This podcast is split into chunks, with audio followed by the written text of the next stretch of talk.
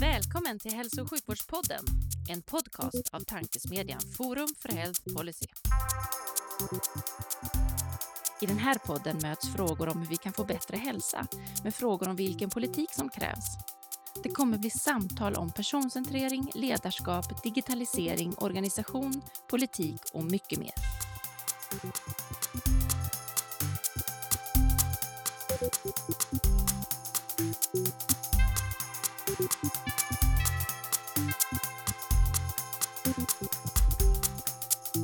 Hej och välkomna till Hälso och sjukvårdspodden, tankesmedjan Forum för Health Policies initiativ för att sprida goda idéer och tankar kring dagens och framtidens hälso och sjukvård och omsorg. Jag heter Magnus Lejelöw och arbetar till vardags för Colivia men är även ambassadör för Forum för Health Policy. Och vid min sida idag har jag något så trevligt som en generaldirektör med fokus på analys och uppföljning samt effekter av detta. Varmt välkommen Jean-Luc av Geijerstam. Stort tack. Jättetrevligt att ha dig här en fredag. Som det här. Ja, ja nej, men jag kan bara instämma. Det är en väldigt trevligt sätt att avsluta fredagen på. veckan. Precis. Vi, vi håller tummarna för att den avslutas efter det här helt enkelt.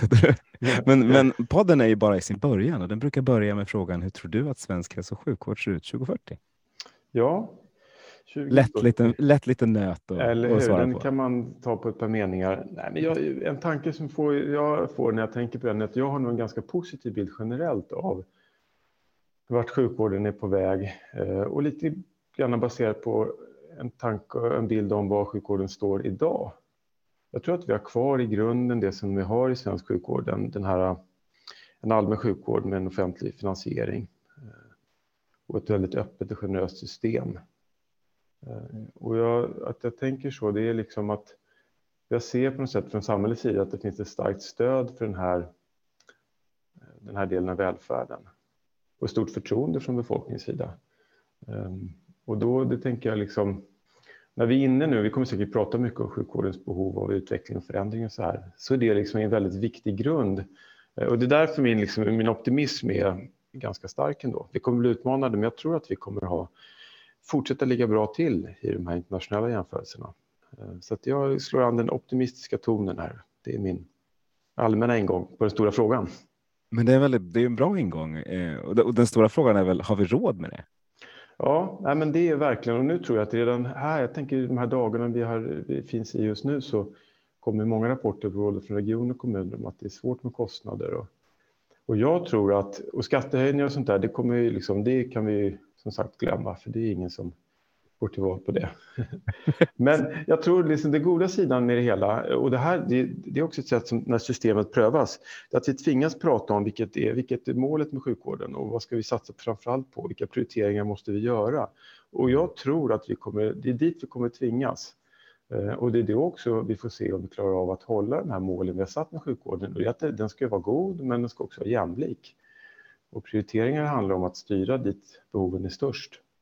Eh, Och jag tror att eh, det är det som kommer komma mer de kommande åren, definitivt. Mm. Men jag tilltror till även de processerna och jag tycker att de förändringar vi kan se nu där eh, vi pratar lite mer om utvecklingen av vården på ett samlat sätt och vi mer än tidigare också eh, involverar patienter och medborgare i de här diskussionerna. Ja, det tror jag är, kommer göra att vi trots de här utmaningarna, det här med att liksom tvingas välja, kan välja det som är viktigast. Liksom. Vad skönt, vad roligt med en, med en positiv ton. Det betyder också att jag får liksom utmana dig och vara lite negativ. Jag som i grunden är också ganska positiv, men det, det blir ett roligare samtal då. Du, eh, för att alla ska veta vem du är, jag tänkte Mm. att jag, jag ska ta det ganska tidigt. Annars riskerar jag att prata vidare om de här frågorna för att de är så spännande. Men, vem är du och vad, vad gör du idag? Du, jag är eh, lite mer än 50 år och eh, är just nu generaldirektör på den här myndigheten som du nämnde, Myndigheten för vård och omsorgsanalys. Eh, och eh, jag har en bakgrund som läkare i vården och också forskande läkare. Ehm, har under ett antal, i lite olika perioder jobbat med, kanske man kan sammanfatta det som medicinsk utvärdering på olika myndigheter. Men också jobbat som läkare och chef i vården och doktorerat och forskat. Ehm, Ja, det är väl den liksom yrkesmässiga, det är lite CV-beskrivningen på din fråga där. Jag vet inte vem jag är. Det- Man kan svara på lite olika sätt där också. Och man kan ju det. CVt är bra för då får folk veta vem du är. Är det något annat du vill lägga till som beskriver personen också så får du ju jättegärna göra det. Ja, det är kanske ännu svårare. Vem är jag? Ja, jag vet inte. Jag tycker, ja, jag är en, eh, en ganska öppen person som är intresserad av människor och eh, tycker det är roligt att samarbeta och har stort intresse för samhällsfrågor. Och, ja, och sen lite annat såklart. Jag menar, det finns ju mycket annat som liksom idrott och natur och förutom allt runt jobb och så där. Så att, ja. Ja. ja. men det, är bra. Det, är, det är viktiga saker utan tvekan. Så. Eh, men om, om vi då fortsätter med den här goda, den jämlika vården. För jag har eh, hängt på Vitalis senaste veckan, eh, som ganska många andra av er som lyssnar på podden också. Eh, och, och, där pratas det väldigt mycket om, om liksom digitalisering och förändringen av, av e-hälsa i olika former, som mm. ju både kan vara liksom det, det mest demokratiska och, och mest jämlikskapande, men mm. också kan vara något som, som gör att de som kan mycket driver iväg. Eh, och att det blir större klyftor i, i samhället. Vad, vad, vad, tro, vad tror du kring, kring liksom framtiden vad det gäller den jämlika hälsan? jag tycker det var, din beskrivning tycker jag är bra där. De här, alla nya möjligheter som ges nu, och det gäller nog alla utvecklingsperioder, är på något sätt eh, människor eller personer som är liksom starka som klarar sig bra, de klarar sig nästan oavsett förutsättningarna på sätt. Så att, att mäta ett system kopplat till liksom ojämlikhet tycker jag är, det bästa är att hålla span på de som på något sätt har det svårast. Hur lyckas systemet möta deras behov? Det tycker jag är ett mått på liksom ett, ett gott system som kan, som kan jobba mot målet jämlik hälsa. Och jag tycker nog att i grunden så är jag väldigt, nu var jag inte på, digita, på, på Vitalis, jag vill gärna höra lite vad dina andra intryck är, men jag jag ser digitalisering som generellt en väldigt positiv och viktig kraft. Alltså det är liksom verktyg som vi ska nyttja till fullo. Det vore idiotiskt att inte göra det i vården. Men det gör man samtidigt genom att hålla koll på vilka effekterna blir. Man måste också se till att eh, vården har också, som du var inne på själv, tror jag, lite den här kompensatoriska rollen. Mm. Väldigt mycket av det vi tar fram passar inte alla patienter och då kan man liksom inte rigga systemet så att det passar många, utan man ska rigga det som på helheten skapar mest värde och hälsa för alla. Och då får man nog jobba med lite mångfald och lösningar så att alla kan inte ha samma enkla digitala lösningar. Och det är en del av sjukvårdens svåra roll att ha den här kompensatoriska delen också. Ja, för det är en av de sakerna som vi kanske är sämst på också, särskilt i det fragmenterade system vi har. Att lyckas se alla. Ja, men det, jag tror det är verkligen det, är det svåraste och det är liksom en Samtidigt som vi vill skala upp lösningar och hitta liksom eh, skalfördelar och den nationella nivån. Och det är, väldigt, det är en del, tror jag, att möta utmaningarna också, att hitta eh, saker som är smart och liksom, som många kan använda till en låg kostnad och resurseffektivt och så där. Men det måste som sagt kompletteras med saker som får kosta lite mer för de som det där standardlösningen inte funkar för. Så man behöver liksom både och där och det är ju Eh, och då kommer vi in på prioriteringar. Det är verkligen, och då måste man lyfta upp, överst av allt måste liksom medicinska behoven ligga. Så att man inte vänder på det där och börjar liksom tycka att här kan vi göra mycket billigt och bra. Det är en del, men det, det inte, räcker inte. Liksom. Det är livsfarligt på många sätt att göra så. Ja, då möter men... man behov som, som är bra på att uttrycka sig och ta för sig. Och, eh, och jag vet inte, det där är nog generellt en allmän utmaning tror jag, i många system, att, de, att det blir så. Liksom. Och samtidigt tänker jag att de som är bra att ta för sig kan också vara de som driver utvecklingen och driver vården framåt, oavsett om det är medarbetare eller patienter. Absolut. Nej, men alltså jag vill inte att ställa dem mot varandra tycker jag är en falsk motsättning. Jag tycker det är en, det där, det där, det är en definitiv drivkraft, en utvecklingskraft som man måste ta tillvara också. Mm. Eh, och det tycker jag generellt när det gäller liksom personcentrering och patientmedverkan, att det är någonting som vården ver verkligen i framtiden behöver dra på mycket, mycket mer än vad man gör idag. Mm. Även fast det pågår tusen spännande initiativ. Jag är säker på att Vitalis var fyllt av inspirerande och roliga. Och det är min bild av att, och den kopplar också tillbaka till min bild av det positiva i svensk hälso och sjukvård, att det är så himla mycket som händer och sånt enormt driv. Alltså. Så att jag, jag är imponerad och det, jag tycker det känns hoppfullt. Absolut, och du kan få mina reflektioner. Jag har Gärna, liksom nju njutit av att ha, jag hade tio stycken eh, soffor där, vi, där det satt tre till fyra personer tillsammans med mig och Björn Arvidsson och pratade om, liksom chitchattade efter varje efter varje föreläsning som var väldigt roligt. Men det betyder också att jag har ju liksom en high level bild av Vitalis, så vi får väl ta den då helt enkelt. ja, nej, men alla bilder har sin plats. Hur ser den ut då? Vad liksom... Nej, men de stora trenderna man tar, ja, jag delade upp, fick in det till sex trender. Den första var att man har gått väldigt mycket från samverkan till samskapande. Mm. Och, det, och, det, kan ju kännas som semantiskt, men det var ganska tydligt att plötsligt vill man göra någonting, vilket är en väldigt, väldigt viktig sak måste jag säga. Mm. Eh, den andra delen är att gapet mellan det som händer liksom, när vi pratar på en mässa som Vitalis och det som händer i sjukvården faktiskt är mindre. Mm. Eh, vilket också är en så viktig sak att vi närmar oss, liksom, snacket eh, närmar sig verkstad. Mm. Eh, EHDS var ju kanske liksom ja. megatrenden, det som, det som pratades om som lösningen på allt, men mm. också lite farhåga för att det där kommer inte att lösa allt, men det kommer kunna skapa mycket förutsättningar. Mm. Eh, så det var också en, en viktig sak. Också en kul sak att se att regioner pratar mycket om att sno från varann mer än Bra. att skapa själva. Ja, precis. Det har vi ju väntat på ett tag och äntligen ja. så kom den och, då, och det, det, kom också från, från regionerna, vilket är väldigt positivt. Lite så här, det här borde vi ha gjort tidigare, men, men nu gör vi det verkligen. Mm. Eh, och den sista, eh, nu blir det fem, men den sista är, är att fokuset är flyttat från patienten, inte, liksom, inte från, men till medarbetaren. Mm. Så det är fortfarande, man har fortfarande patienten som en av de viktigaste sakerna, men medarbetaren är minst lika viktig. Mm. Eh, och det tror jag är, vad det gäller liksom digitaliseringens möjligheter så, så, så det, kan det väldigt mycket hjälpa till att få medarbetarna att kunna göra rätt saker mm. och också kunna vilja stanna i vården, vilket ju är liksom en, en stor utmaning. Så de, det, det är de liksom fem stora ur, från, från min verktygslåda. Det är jättespännande att höra och för mig det, det det speglar, när jag tänker på det, den här, ett skifte som, som behöver verkligen fortsätta och det är det här mot en mer personcentrerad vård. Nästan alla de här fem punkterna är olika på olika sätt. Jättepositivt och det, jag har liksom samma känsla. Jag vet inte om det bara är fredagen här som spelar in, men jag, jag tycker att det är en sån. Men det kan det vara. Men sen var det också kul att se, det var ett par myndigheter som stack ut som inte brukar vara lika närvarande eh, och lika extroverta som de var nu. Läkemedelsverket eh, mm. följde efter sin väldigt extroverta ledare eh, i form av mm. Björn eh, och var 37 personer på plats på Talis. Mm. Vilket ju är, ett, låter ju helt galet mycket, men två, också väldigt positivt att man liksom försöker vara en del av, av ekosystemet i större utsträckning och vara väldigt utåtriktad eh, på ja. många sätt. Och E-hälsomyndigheten var också på plats precis överallt eh, och hade enligt Gunilla hade de 38 för att de skulle ha en mer än Björn. Om det var sant eller inte vet jag inte.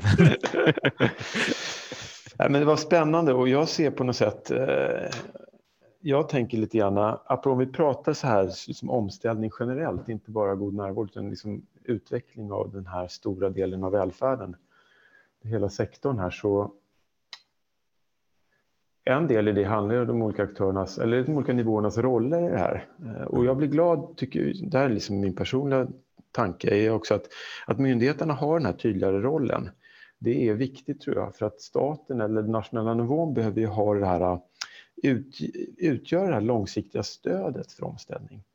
Alltså Precis. huvudmannaskapet är ju kvar, det är regionerna och kommunerna som ska leverera vård. Där finns vårdens vardag, där finns verkstaden. De sitter med huret.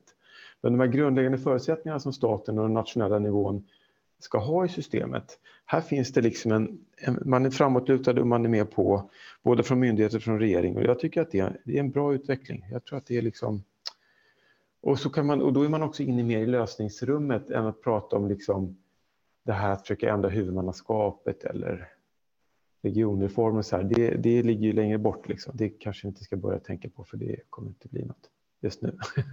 Nej, men eh, precis. Även om det kanske skulle lösa vissa knutar eh, och säkert krångla till vissa andra saker så är det väl det är lätt att ta fram det som något att skylla på. Att Exakt. Här, oh, men det här är vår, vår struktur som stökar till det. Ja, och det gör det ju, men vi lever ju utifrån de ramarna ändå. Ja, vi gör det. Vi lever det. Och, vi, och jag tycker också att man... Jag tänkte på det lite grann just runt pandemin också. Vi lyfter gärna fram det som behöver utvecklas och det som inte är bra, men jag ser ju liksom pandemin också på något sätt som ett delar av ett, liksom, ett styrkebesked också för vården. Att man lyckades med en omställning. Man lyckades göra, man hittade ett fokus och man la om saker och man, man visade upp sina bästa sidor. Eh, och det är de som man nu också ska dra på när man ska fortsätta utveckla och fylla igen. Det är klart, sen fanns det uppenbara problem runt äldreomsorgen. Och, men alla de var ändå kända sedan tidigare och liksom, de, de blottgjordes. Men det ändå så tycker jag, jag tänker mest på att pandemin visade upp styrkor och liksom resiliens. Och, så att det ska vi liksom, ja. Tycker du vi lyckas behålla det då? Behåller vi det fokuset och lyckas vi lära oss någonting av de svagheter vi hittade? Alltså det här blir liksom eh, känslobaserat från min sida. Men, men... det är känslobaserat, men du, du, sitter, du sitter ju också ja, i vardagen och tittar på... Liksom, nej, men jag tycker lite grann, det som du berättar från Vitalis nu och det som regeringen ändå går fram med och det som myndigheterna jobbar med.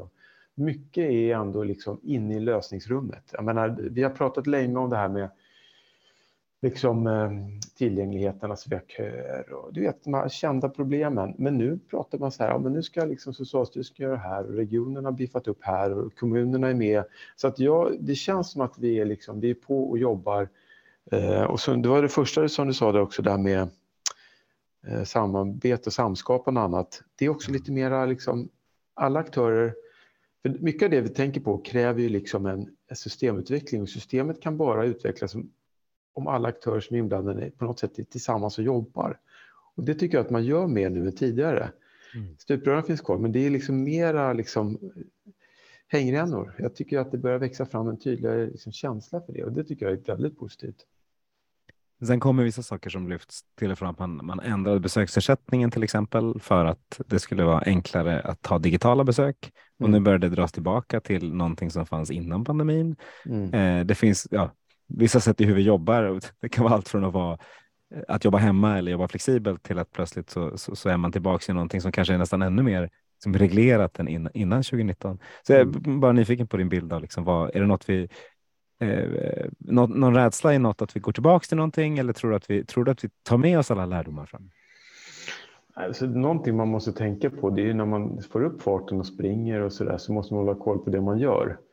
Uh, och jag, det är klart att jag sitter på en myndighet som har uppdrag att följa upp och analysera så att jag kanske naturligen tänker på det. Men jag tror att det är viktigt att vi samtidigt som vi liksom driver och utvecklar planerar för uppföljning och, och, och klok tanke också och sen också efterhand liksom diskussion och samtal om det vi har åstadkommit eller inte har varit rätt och hur vi ska prioritera och så där. Så det behöver liksom finnas med liksom någon sorts utvecklingstid är viktigt men det måste ha en eftertanke och en, en struktur som håller koll på riktning. Och, för du lyfter ju själv, det finns ju risker med många av de saker du håller på med. Det är inte alls säkert att de, att de träffar de här målen vi har satt upp. Liksom.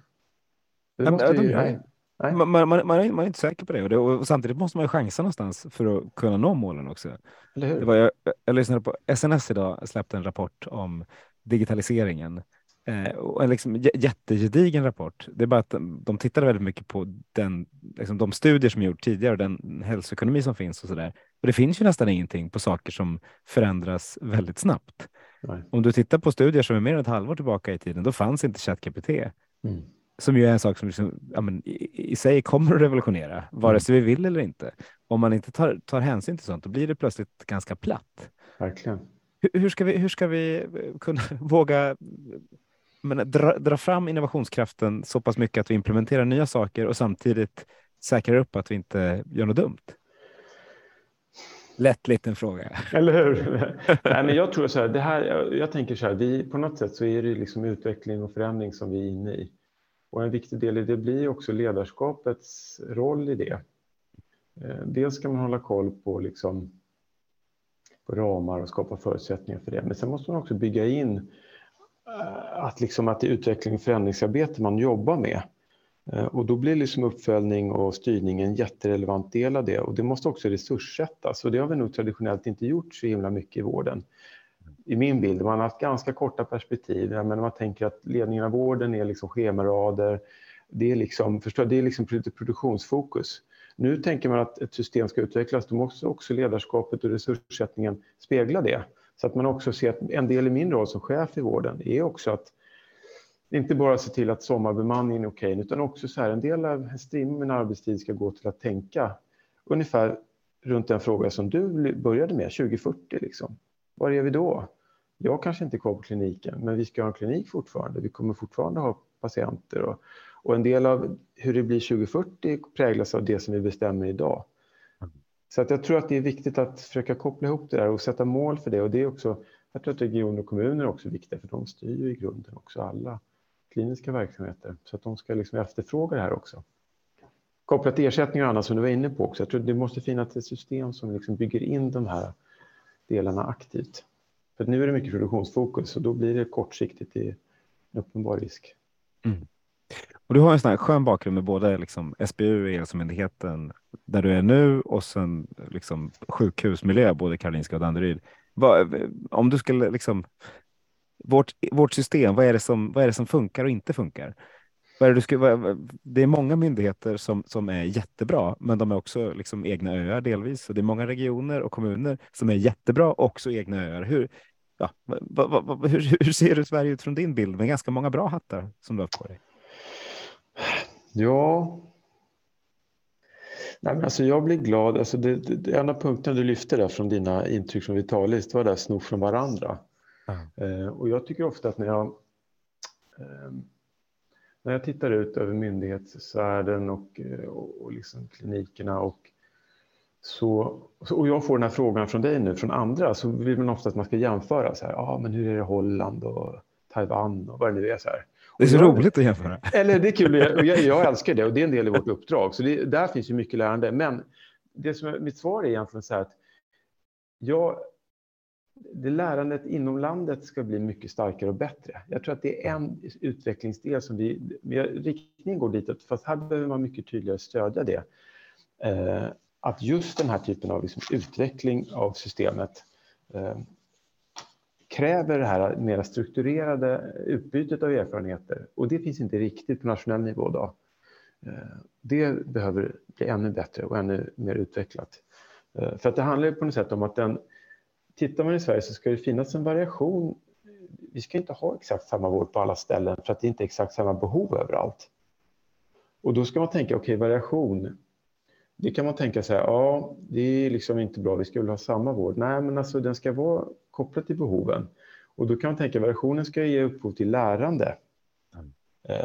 Så att variationen inte betyder att alltså, på ett ställe är mer ineffektivt eller att det är ojämlikt. Men då måste det finnas strukturer som, som delar kunskap och som, som leder till utveckling.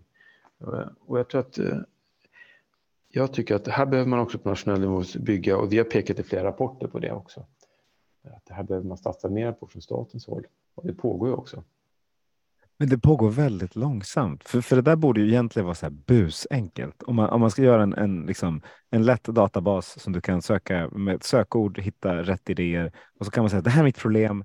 Vad säger du? Vad finns det någon lösning jag kan lära av? Ja. Det borde egentligen vara ganska. Det finns ju massa liksom, motorer av innovationsform i olika regioner och kommuner och, och det är ingen som ändå gör det eller pratar om det eller tar ansvar. Vad ska, vem ska göra det här? Alltså det är ju, och eftersom svaret på den frågan är att alla ska göra det så förstår man varför det inte händer. Liksom. men, men jag tror att personer med, liksom, med din bakgrund och andra, det är ni en del i lösningen här som har den här som kommer in lite mer från liksom digitalisering, innovation, utveckling. Ni har ju traditionellt inte haft en väldigt tydlig roll i vårdsystemet. Utan det har varit liksom professionerna har ju väldigt mycket handlat om, man har en njurläkare, man har en specialistsköterska och en logoped. Liksom. Mm. Eh, men nu behöver vårdteamet kompletteras med kompetenser som handlar om juridik, IT, data science, vad det nu är. Och de har ju naturligt, det finns inte hundraårig tradition av att ha dem i, i kliniska gänget. Så det tycker jag är, det måste byggas in och det måste skapas och det måste finnas resurser för det och, och, och nya sätt att jobba också. Så, och det är inte så himla lätt. Det tror jag är en förklaring till att det inte händer så där omedelbart. Och det är en svår sak också. Det är inte så politiskt sexigt. Daniel Forslund sa redan när vi satt i ett runda bord att om, jag föreslår, om han föreslår en miljard till ett liksom, IT-system som ska ligga som plattform för någonting så är det inget man går till val på. Nej. Utan det är ingen som vill säga något så. Man vill säga så här, men vi slänger pengarna på psykiatrin eller vi slänger pengar på ett hus här som, som man kan gå till eller något annat. Det, det, är, så, det är ju det som är svårt med de här frågorna. Och det, även skulle du då säga så här, men vi tar bort två läkartjänster och en skötersketjänst, för vi behöver få in de här resurserna. Mm. Då kommer, det kommer bli ramaskri, även om resurs, alla fattar att de här resurserna också skulle bidra. Ja, men det där är ju en, ett, ett dilemma när man ska utveckla och vården är på gott och ont väldigt traditionell i sitt sätt att jobba det är ganska bra att man inte hoppar på nya saker hux flux utan att man tänker till och man vill ha evidens och sådär. Men man måste också förstå att liksom, man kan inte ligga kvar i det som har varit tidigare fullt ut. Man måste alltid liksom kritiskt ifrågasätta om man jobbar rätt och om man, tänker rätt. Um, och jag, men jag tror att den här, det här med satsningar och sånt där, en del, det är en liksom pedagogiskt uppdrag som vi alla har tror jag. Om vi tänker att man ska utveckla någonting stort som ett komplext som hälso och sjukvården som system. Mm. Så var vi inne på det här tidigare att det är liksom en omställning kräver jättelångsiktighet och det kräver att många går i samma riktning. Och, och det är liksom, där behöver man hitta någon sorts historia, någon sorts sätt att beskriva det där, lite storytelling, hur den här långsiktigheten kan bli lite sexig och kanske kan upplevas som liksom helt oundgänglig. Så här, fan, det är klart vi måste göra det här nu för att nå dit då och då.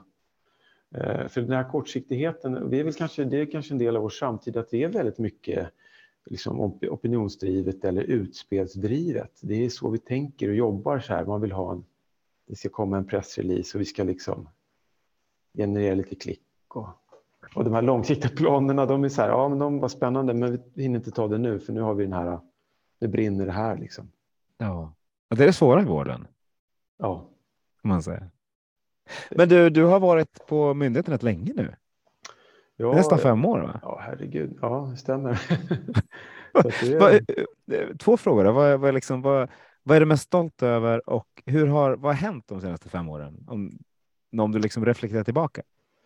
Eh, vad har hänt? Ja, jag tycker att vi har fortsatt att liksom leverera in det som jag ser som vår viktiga roll. Det är att ta fram de här apropå sexighet, kanske inte alltid de liksom mest eh, liksom kioskvältande men ändå väldigt viktiga liksom kunskapsunderlagen mm.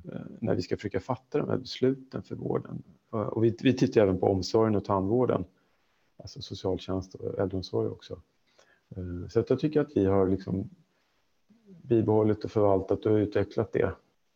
Ehm, sen är det mycket nu som är, apropå långsiktighet, vi håller, det finns nu en apropå digitalisering och annat som vi har rört oss runt lite i vårt samtal här så finns det nu en, ett, förslag, ett lagförslag som är ute på remiss som handlar om att vår myndighet ska kunna behandla känsliga personuppgifter. Så att vi ska kunna göra ännu mer avancerade analyser. För det har inte vi kunnat göra under våra, de tio år vi har funnits. Sant? Nej, det är sant. Och det, det har jag faktiskt inte ens tänkt på. Men nej, så är det, ju. Det, är så, det är så. Och det var redan när liksom myndigheten tillskapades, den här kommittén som satte ihop allt och de skrev att den här myndigheten kommer väldigt sannolikt behöva det, men vi hinner inte få ihop det nu. Så att efter många långa år så är det här nu på gång och jag får väl inte jinxa det här för det ska ju fattas beslut i riksdagen. men det ger oss möjligheter att ta ett steg till också i, vår, i vårt uppdrag med analys och, eh, och liksom utvärdering. Så det känns jättespännande att ha varit med och fått fram det. Och hur, hur, tycker du det går? För jag får, får, ofta höra att ni gör fantastiska rapporter och det är de jag läser också själv. Och så ibland så hörs det att ni låter för mycket, för lite sen. Ja. Det är för, för lite bass och för lite liksom delaktighet i debatten, trots att underlagen är, är riktigt bra. Är, är det en felaktig, är orättvis bild eller finns det något i det? Nej, men alltså den bilden tycker jag, så skulle jag kanske själv beskriva det. Och då måste man ju liksom tänka först här, vilken roll vill man, vill man ha i debatten? Eller ska man, vilken, hur vill man ligga där? Och vi har ju nog en ganska tydlig bild internt att vi vill ju på något sätt, när vi träffar rätt, då är det som du beskriver faktiskt. De som fattar beslut eh, och de som är intresserade och kunniga och driver de här frågorna. Vårt bidrag ska vara in, initierade och smarta inlägg och kunskapsunderlag så att debatten blir saklig och bra. Eh, vi har liksom inte, jag ser inte vår roll i, i första hand inte att driva frågor, vi är inte ett, liksom ett politiskt parti eller vi ska inte ta ställning. Eh, däremot ska vi ta ställning och liksom se till att det finns en, en bra grund för att kunna diskutera och utveckla vården.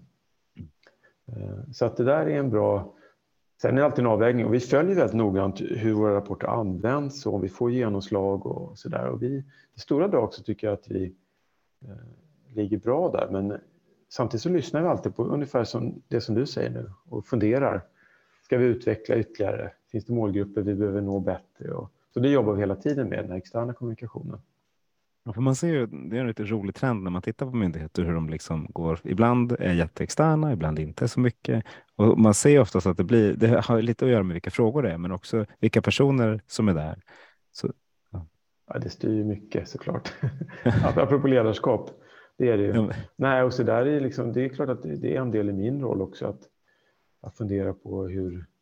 Um, för min, jag tänker mycket på att myndighet, det viktigaste för mig är att, att myndighetens rapporter liksom har hög kvalitet och är relevanta och liksom berör frågor som är de allra viktigaste. Och nästa steg används aktivt också när beslut fattas. Och det följer vi upp noggrant och ser att vi ligger bra till där. Sen hur, hur, så, hur, följer, hur, följer, ni upp det på ett bra sätt? Då? På olika sätt. Dels så, kan man ha, så har vi år, liksom återkommande målgruppsundersökningar där vi har liksom pratat med beslutsfattare och andra som, är, som vi har ringat in utifrån rapporten vi skriver som det här är nyckelpersoner och, eller liksom organisationer och frågar dem eh, och få svar. Och sen tittar vi också på olika liksom beslutsprocesser runt lagstiftning, offentlig utredning och annat och tittar refererar man till oss så finns vi med där eller inte och så där och försöker kritiskt värdera det. Eh, och jag, vi delar gärna med oss. Det finns också, om man läser vår årsredovisning till exempel, så kan man se hur vi har tänkt och så där. Men jag tycker att vi i stora drag ligger bra till där. Men sen kan man alltid fundera på ens egen roll, till exempel generaldirektörsrollen har ju en sån där det finns ju någon sorts nivåkraft i den också, att man ska kunna utnyttja den i vissa lägen och det försöker vi tänka till och det är klart, att finns det alltid kan man alltid utveckla också ytterligare. När det, när det är rätt så att säga. Där man kan gå in och... och det hade varit ibland, ja, ja. Nej, fortsätt, ibland. Nej, ibland kan man, kanske man är sugen för man har uppfattningar eller starka, starka övertygelser. Men det är liksom, man får också, då får man tänka till extra runt sin roll och kanske då får man diskutera med styrelsen också. När ska man skriva en debattartikel eller inte? Och, Alltså, jag tycker det är jättesvårt. Nu är jag ju sån som älskar att få debattera och stå på scen och då när man har all, all kunskap ni har och alla bra underlag så skulle ja. man vilja skriva något jämt. Ja, jo, nej, men verkligen. Och då blir det viktigt som sagt att liksom tänka en gång extra och följa hur det faktiskt används så att man ser till att man inte missar något. Och, men ehm, ja. Har ni funderat på att lägga in kopior i slutet av era rapporter där man kan liksom följa liksom konkreta målvärden någonstans? Nej, det är en spännande tanke. Det har vi inte. Det skulle man faktiskt kunna komplettera med. För det här var en cool dashboard att se. Liksom. De här tre följer vi från, från respektive rapport. Ja, spännande. Har du något tips? Vad skulle kunna vara en bra... Det kanske det beror på rapporten såklart. Men hur skulle liksom Magnus, ett par favoritkopior? Ja, men det, nej, men om man tänker på, på, på god och nära vård, när ni liksom utvärderar den. Mm. Så, så, så, kan man skulle man väl kunna titta på hur många, liksom, om det nu är besök i primärvården tycker är viktigt, hur många som är digitala, hur många som är liksom, nödvändiga, mm. hur många eh, hur mycket egen monitorering sker per respektive region eller lite beroende på vilka förslag ni, ni väver in. Men det finns ju rätt mycket som går att kvantifiera baserat på vad, vad man skriver för rapport. Nu är det ju som, som, du säger, det beror ju väldigt mycket på vilken rapport vi pratar om just idag. men ja, men, men nog, där... nog, finns det saker att kvantifiera. Ja, absolut. Nej, och det gör vi ofta. Och som det, det exemplet där, det är ett exempel på en, vi har ju två typer av uppdrag. Det ena är de här som är regeringsuppdrag och de andra är egeninitierade. Och de som är, och det är ungefär det vi gör, ungefär 50-50 mellan de här två. Eh, men det här God och närvård till exempel, det har vi ett pågående uppdrag där vi följer hela omställningen. Ja, eh, och då utgår vi från de mål som man har satt upp, eh, regeringen, när de tillsammans med SKR har liksom lagt upp den här stora satsningarna. Förutom lagstiftning och annat så satsar man mycket pengar. Och då har vi ju, kanske inte kopior, men vi följer ju precis saker av den typen som du nämner. Eh, för det ska ju också koka ner till saker som har direkt betydelse för patienterna det är ju på något sätt en omställning som ska utveckla vården, inte bara alltså produktion och annat. Det är ju någon sorts proxymått för att liksom man ska ju se att det blir bättre hälsoutfall och, och patienterna ska uppleva eh, bättre tillgänglighet och högre grad av personcentrering. Och, så där. och det finns ju massa mått att fånga det, så det tittar vi definitivt på. För om man tittar på liksom den om kontinuitet och fast läkarkontakt så är det ju liksom jättetydliga kopior som kommer med i resultatet. Ja. Och där, de, de vore ju så kul att följa så man kan jämföra liksom olika enheter. Nu är jag rätt kopidriven därför, eftersom jag tror att det, jag kommer från näringslivet och tänker att det här är något som är viktigt och bra att följa. Men, men ni, har, ni har ju så många fina kopior. Nej, men och då kanske den här, det handlar mycket om, apropå kommunikation och annat, du, den här dashboard-tanken kanske är någonting att utveckla. Apropå ett sätt att liksom visa och visualisera och Och lite också det här med storytelling, det är väl en del av det också, att fundera på hur man liksom berättar vad man ser och hur, vad man gör. Och... För att, det är liksom... ja, mm. ja, för, ja, nej, men alltså, för ofta finns ju rapporterna finns ju på något sätt, så det är inte så att det, det inte finns framtaget, utan det handlar mycket om hur man liksom kommunicerar och lyfter fram det eller ut det och sätter ord på det eller, eller visualiserar det. Ja. Ja, för någonstans är det så kul. Vi, vi i sjukvården tycker jag är för dåliga på det här i grunden. Om man tittar på, all, eller alla vet inte, men vi har koll på vädret, vi har koll på aktiekursen, men vi har inte koll på hur man mår. Nej. Men vi har ju hur mycket hälso och sjukvårdsdata som helst. Det vore ju kul att ha liksom ett hälsoindex eller idag mår Sveriges diabetiker så här. Pollenallergikerna så här. Ja, men verkligen. Och där tycker jag att där kan man bara låta sig inspireras och helt hämningslöst stjäla från alla de andra sektorerna som du nämner. Absolut. Go crazy alltså. Jag menar, smarta grejer har tänkts av andra. Det är bara att ta dem. Eh, och så får se till att hålla koll på hur det blir. Alltså jag tycker det är jätterätt, helt rätt inställning. Och där är, har ju vården är ganska traditionell och även myndigheterna har varit väldigt liksom, jobbat på ett visst sätt. Då. Så. Om du får sno då? Vad, vad skulle vara sno från banksektorn? Dels det här liksom lite grann sätt att kommunicera och men sen också lite grann en känsla tycker jag av, av eh, stolthet. Lite bättre på det också. Vi har ju lite grann en um, jag gillar såklart att man ska fundera runt problem och utmaningar och man vill göra saker bättre. Men vi, andra branscher är bra på att liksom visa det som är bra och framhäva sig och tänka liksom också skapa en bra känsla generellt att liksom, vi är inne i en framgångsrik och viktig sektor. Det är en viktig del av, för sjukvården har lite, det finns ju lite annan sorts, lite sådär permanent kriskänsla. Och det är liksom, jag tänker att det är liksom ingen bra, man vill ju också vara en bransch där folk vill jobba och man tycker att man är, det finns ju få branscher där det är så viktigt och meningsfullt att jobba, tycker jag. Det är klart, jag är en vårdperson själv. Men det ja, men borde det man liksom pff, lyfta fram. Alltså. Ja, för, säkert om vi pratar som samhället, att man blir mer och mer purpose driven.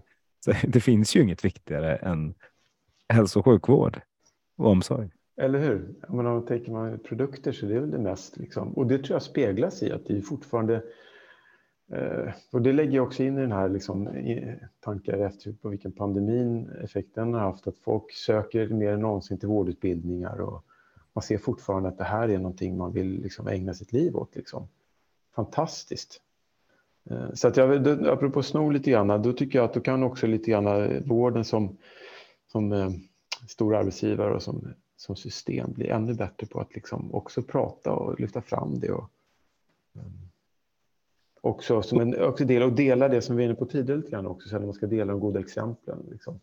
Fast det är klart, mm. om man ska tänka bankvärlden, det kanske alla är konkurrenter, det kanske man inte vill dela sina goda exempel. Jag vet inte. Nej, men då, exakt. Och det, det var ju mer, man behöver inte ta allt från bankvärlden. Det, det är mer ett, ett, ett tankesätt att fundera på utanför. Det jag att du, att du har med i grunden, för det tycker jag att vi är lite dåliga på i, i den här sektorn generellt. Det finns ju andra som har kommit ganska långt. Jag håller helt med. Jag håller helt med. Och jag, men jag, jag, vet inte, jag, nu blir det väldigt bra. Jag sitter bara och låter positiv i alla lägen här. Men jag, jag ska nog ta ner det. Jag ska nog Nej, bra. Nej, men jag tycker ändå att, liksom, eh, att det är på något sätt det är liksom utveckling i positiv bemärkelse som man ändå är som i stora drag inne i nu. Samtidigt så, så, så, drivs den av de uppenbara problem vi har.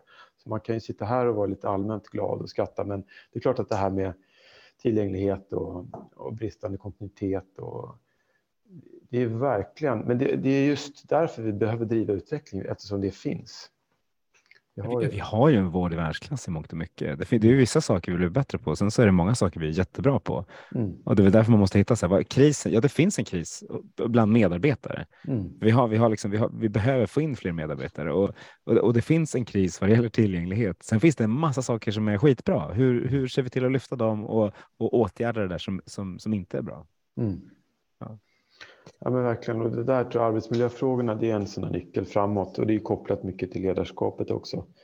Att man måste bli mycket mer medveten om det och jobba mer med det. Men även där tycker jag att man kan skönja tydligt att man både regioner och kommuner satsar på det. Och, för det är det som behövs. Det, det, sker, det sker liksom inte av sig själv heller. Man måste också och det är väl också någonting som på något sätt kopior eller någon sorts när man försöker följa upp också fånga sådana dimensioner att liksom blivit bättre på det här. Det här är liksom en nyckeldimension i om saker och ting ska bli bättre.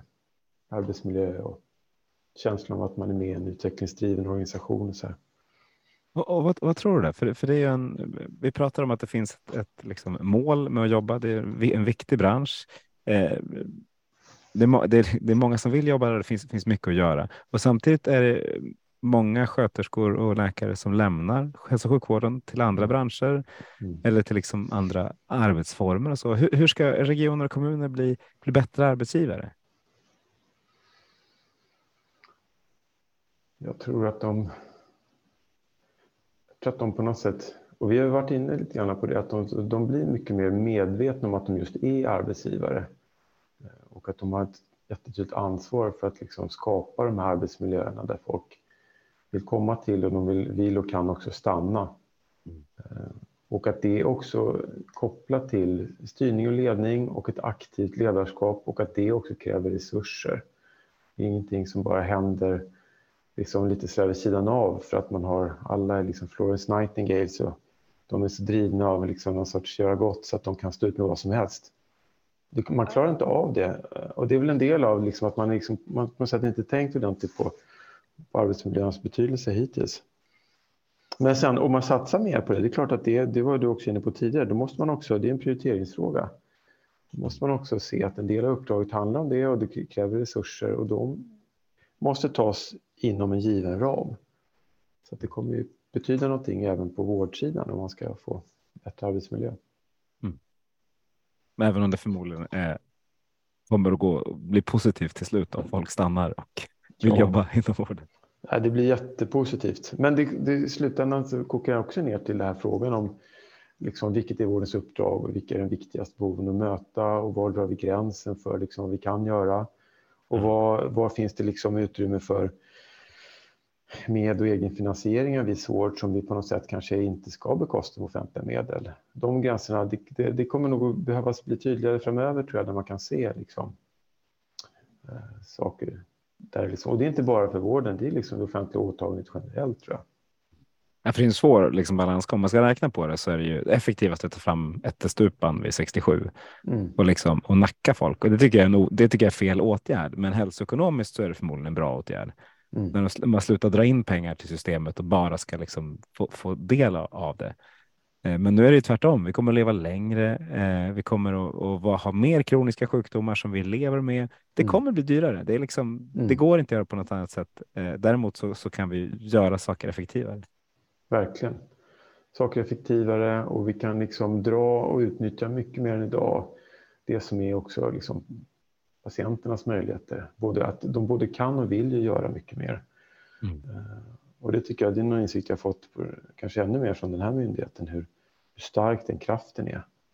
Eh, och, hur, hur, och där tycker jag nog, apropå lärande som du sa där, från andra sektorer, de är ganska bra på att använda kunderna tror jag som, eh, som någon sorts resurs också. Som så här, de är med och inte bara för att de, de ska tjäna mer pengar utan för att hela, allt blir bättre också att de är med. Mm jag vill kunna styra och göra mycket av mina egna bankaffärer. Det är liksom, sen råkar ju min, min bank säkert jag sparar lite pengar på det också. Men, det, men du vill ändå kunna göra det. Jag, jag vill göra väldigt mycket av, av mina besök och mina liksom, liksom allting själv, för det, mm. det är sån jag är. Jag skulle gärna betygsätta mycket mer av vården mm. eh, inom det offentliga så att man faktiskt kunde se, få någonting tillbaka och se okay, hur, vilken vård är det som patienterna tycker är bäst. Mm. Eh, kunna jämföra det med okay, vad får man bäst kvalitet och så. Det, det, de initiativen blir liksom aldrig.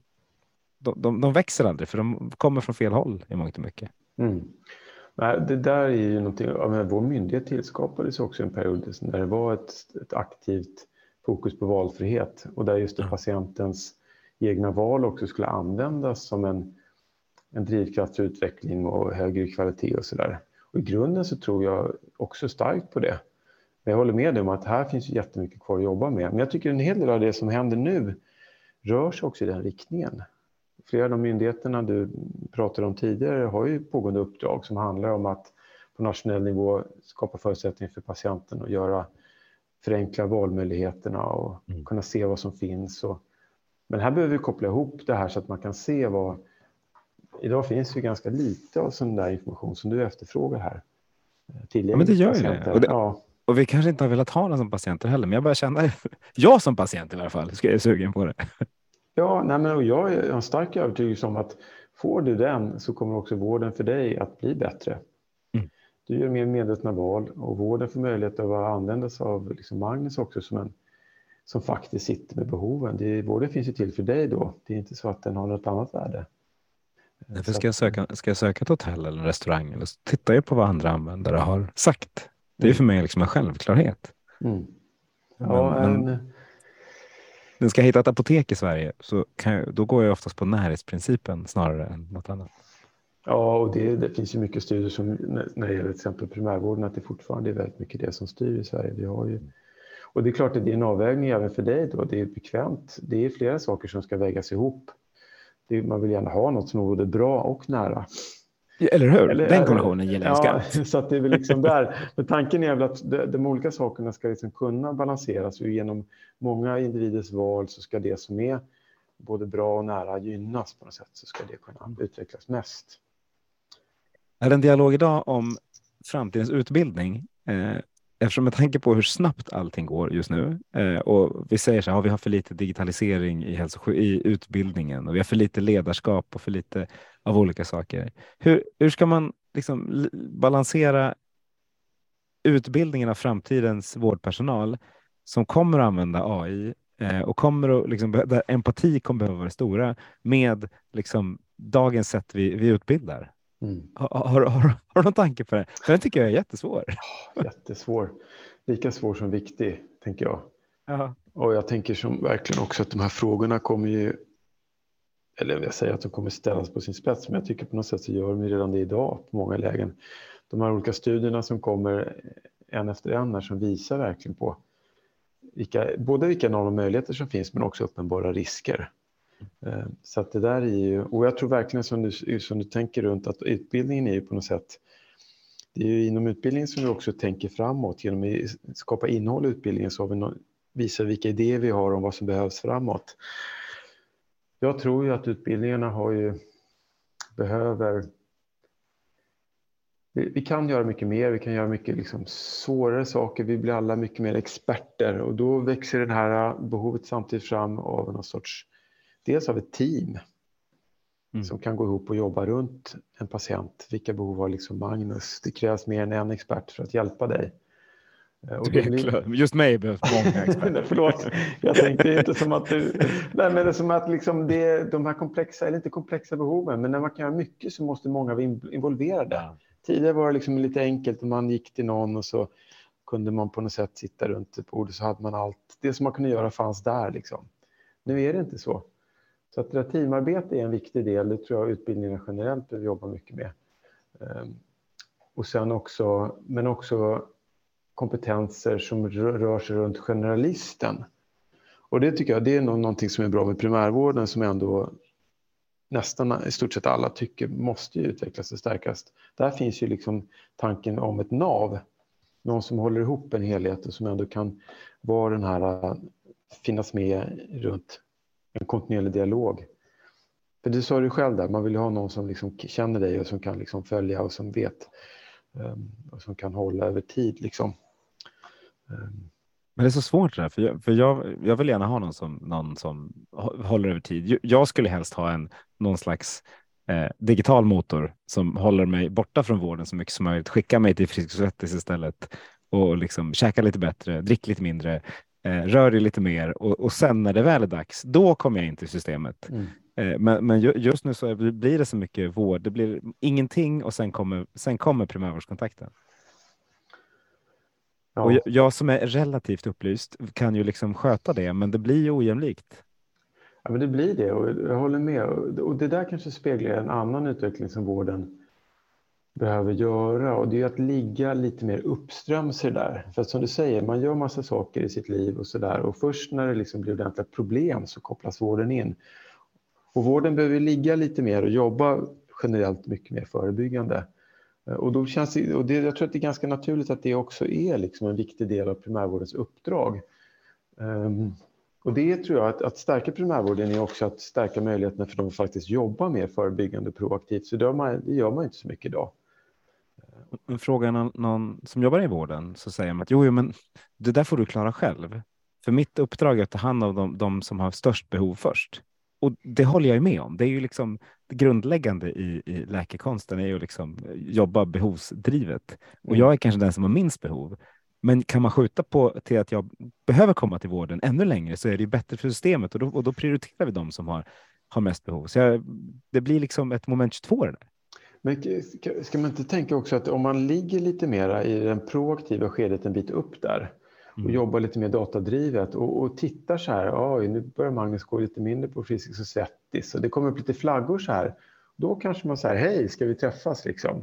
Ja. Förstår du? Så att förebyggandet verkligen blir förebyggande också. Att man liksom ligger och, och, och följer lite mer datadrivet vilka som behöver och inte. Och, för nu sitter ju vården mycket och väntar också på att någon ska bli sjuk. Liksom. Och så, då, då, ligger, då är det ganska svårt att förändra beteenden. Och det är liksom en väldigt sen intervention ofta.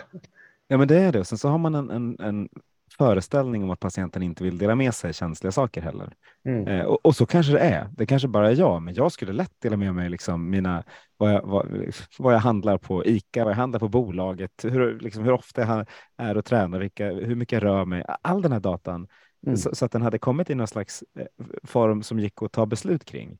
Mm. Sen förstår jag att vården inte kan få den data som det är idag, utan du behöver liksom ha något som samlar ihop det så att det, så att det ger det där, den här varningssignalen. Men, men för mig som patient är det helt självklart. Mm. Ja, jag tror många känner så och det tycker jag det finns ju flera studier som visar det. Och sen är det såklart, det är jätteviktigt att det finns en balans kopplat till liksom integritet och säkerhet och du vet alla de här grundläggande frågorna också. Men om man som individ har möjligheten att välja, för det kan man ju inte idag. Du kan ju inte säga att jag släpper gärna på mera data, för det finns ju inga Nej. sådana kopplingar idag. Så Det är liksom ingen, nej, det är, det är en massa kommersiella aktörer snarare som är, som är mycket bättre på det där. Det är de stora kommunikationerna som Apple, Samsung och, där och, och massor med andra bolag som sitter med Ja, massor de älskar, med de vill ju ha all min dator. Liksom. Ja. Och de har, då har man ju signat på utan att fatta det många gånger att man faktiskt ger dem den. Precis. Så att de vet mer om dig än din vårdcentral tror jag faktiskt. Det är jag ganska övertygad om. Och det är jag också. Och det stör mig liksom ännu mer. När, Mm. när, när min telefon har koll eh, på om jag är på, liksom, eh, på väg och, och gör någonting annorlunda. För det är, inte, det är inte så mycket så vad jag gör, utan att jag ändrar mitt beteende. Att jag blir mer social eller mer asocial, om jag har liksom någon slags manodepressivitet, om jag rör mig mer eller mindre, om jag börjar söka på diffusa symptom i olika utsträckning. Det, det finns ju massa information som man så jättegärna skulle bygga in i systemet, men som, som idag inte systemet riktigt vill ha. Nej. Däremot så vill ju, om du frågar de digitala vårdgivarna, så är de jätteintresserade av den typen av information. Mm. Och, och då blir det liksom, då blir det ojämlikt åt fel håll igen. För nu, det, det är det, offentliga som ska efterfråga det här. Nej men verkligen. Och här tror jag att det offentliga har en väldigt viktig roll att kliva fram och se det där och ta, liksom, driva utvecklingen utifrån precis det. För sen, och många gånger sen tänker jag också när man kliver in och blir på något sätt mer av en regelrätt patient i vården, då genereras ju massor med hälsodata runt liksom slutenvård och kvalitetsregister och så här. Och det kopplas ju sällan ihop sen med all den andra datan. Så det är liksom en dubbel... Glappet finns ju verkligen på flera ställen också. Så att, men det är den här sammankopplingen som behöver göras. Ehm, Vem ska göra den? Alltså den tycker jag, jag tänker om vi ändå kommit överens om att liksom, vi har i Sverige en offentlig vård och det är liksom är både hälso och sjukvård så ska det viktigt att det offentliga har en stark roll där och gör det. Mm. Och, och, och, vi är väl också på väg ditåt i, vissa, i flera avseenden, men det är ju svårt. Det är ju verkligen inte snutet ur eh, sådär omedelbart lätt. Men det är ju svårt, eh, mycket för att vi har liksom, eh, juridiska gränser mellan olika system. Vi har olika ägare av olika saker och vi har olika myndigheter och olika huvudmän på olika sätt och vis. Mm. Tekniken finns ju där. Verkligen. Ja, men det är ju det är intressant det där. Det finns en hel del, tycker jag, lite paradoxer i det här. Men du nämnde också tidigare det här med EHDS och det är intressant tycker jag att på något sätt kommer från EU någon sorts knuffar oss framåt här. Jag det var med- faktiskt, men, det, Ja. Jag förstår, du, du var med. Du? Ja, nej, men jag, jag var under en period på E-hälsomyndigheten och då fick vi ett regeringsuppdrag från den dåvarande regeringen att ta fram Hälsa för mig Exakt. som är verkligen i många avseenden jobbade precis med det vi är inne på nu. Där, där patienten själv skulle kunna välja också att liksom få dela sin egna, den, de hälsodata man genererade inom vården. För att kunna koppla ihop det med liksom andra aktörers data och patienten själv skulle kunna styra det där för att utveckla sin egen vård. Så det är samma, den grundtanken är ungefär det som du själv beskriver att du skulle vilja ha nu. Men då stoppades det av juridiken. Så att regeringen, regeringen liksom blev stoppad, regeringens politik blev stoppad av, av det som regeringen själv styr över, liksom, eller lagstiftningen då. Det var ju intressant att det inte kunde drivas framåt. Det kom som en chock under förra årets Vitalis, för här EODS presenterades ju precis innan det. Mm. Eh, och då en, vreds det från att eh, vi har pratat om någonting jättelänge i Sverige och inte lyckats med det, fastän vi har legat före allihopa. Mm. Plötsligt så kommer liksom hela EU-apparaten i fatt och säger så här ska ni göra. och, så, och så är vi plötsligt inte i framkant längre, utan det är någon annan som har bestämt för att vi har inte kunnat ta beslutet. Det är jättefascinerande att, att det liksom slutligen var EU som fick det här att hända. Och jag tycker liksom att man har haft en bild av att tvärtom att EU är liksom den tröga stoppande kolossen. Mm. Ja, men, då, jag vet inte vad man ska tänka om det. Det ska man tänka att vi tänkte väldigt rätt då när det nu var 2015, 16 när det här kom. Men vad Fram tills vi sa nej tänkte vi. Jag vet, nej, men vad är det systemet som gör att vi stoppar oss själva på något sätt, de här goda idéerna? Mm. För att i, i, stora drag så var det ju kanske Många tyckte nog, sen kan man alltid prata om hur saker ska göras. Eh, men det var ju väldigt mycket, det var ju liksom den dåvarande Datainspektionen och det var några andra som liksom, det var vissa dimensioner som fick väldigt tyngd. Integritet och datasäkerhet och annat som fick styra då. Varför det inte blev realitet hälsa för mig. Eh, men den där viktningen är kanske en av de viktigaste delarna i liksom politikens uppdrag, att liksom balansera, hur hittar vi rätt här så att det här blir framdrift. Och, för att annars kommer vi alltid liksom lägga på bromsen när vi försöker att ta oss framåt. Liksom. Bara... Ja. Jag håller fullständigt med. Eh, vi har pratat nästan en timme nu. Jag vet inte hur det gick till, men det känns bara som att det känns som att pratat fem minuter ungefär. Jag vet. men när du, när du kom in i det här digitala rummet, vad, vad, vad, är, jag hade skickat en massa frågor innan. Jag har pratat om helt andra saker, men var det något du hade velat prata om som du känner att ja, men det här lyfte, det har vi inte alls pratat om? Uh, jag tycker vi har liksom rört oss runt precis allt, många saker som jag tycker är jättespännande och, och viktiga. Så att det är ingen sådär enorm lucka som jag som jag vill fylla här, utan eh, jag är också förundrad över hur tiden går snabbt när man pratar om ja, saker man gillar och tycker är spännande. Ja, men så är det. Men då får jag, får jag tacka för ett av de trevligaste samtalen i, i poddens historia. Ja, men vad trevligt och detsamma. Stort tack. Jätteroligt att vara med. Tack. Grymt. Och tack alla som har lyssnat.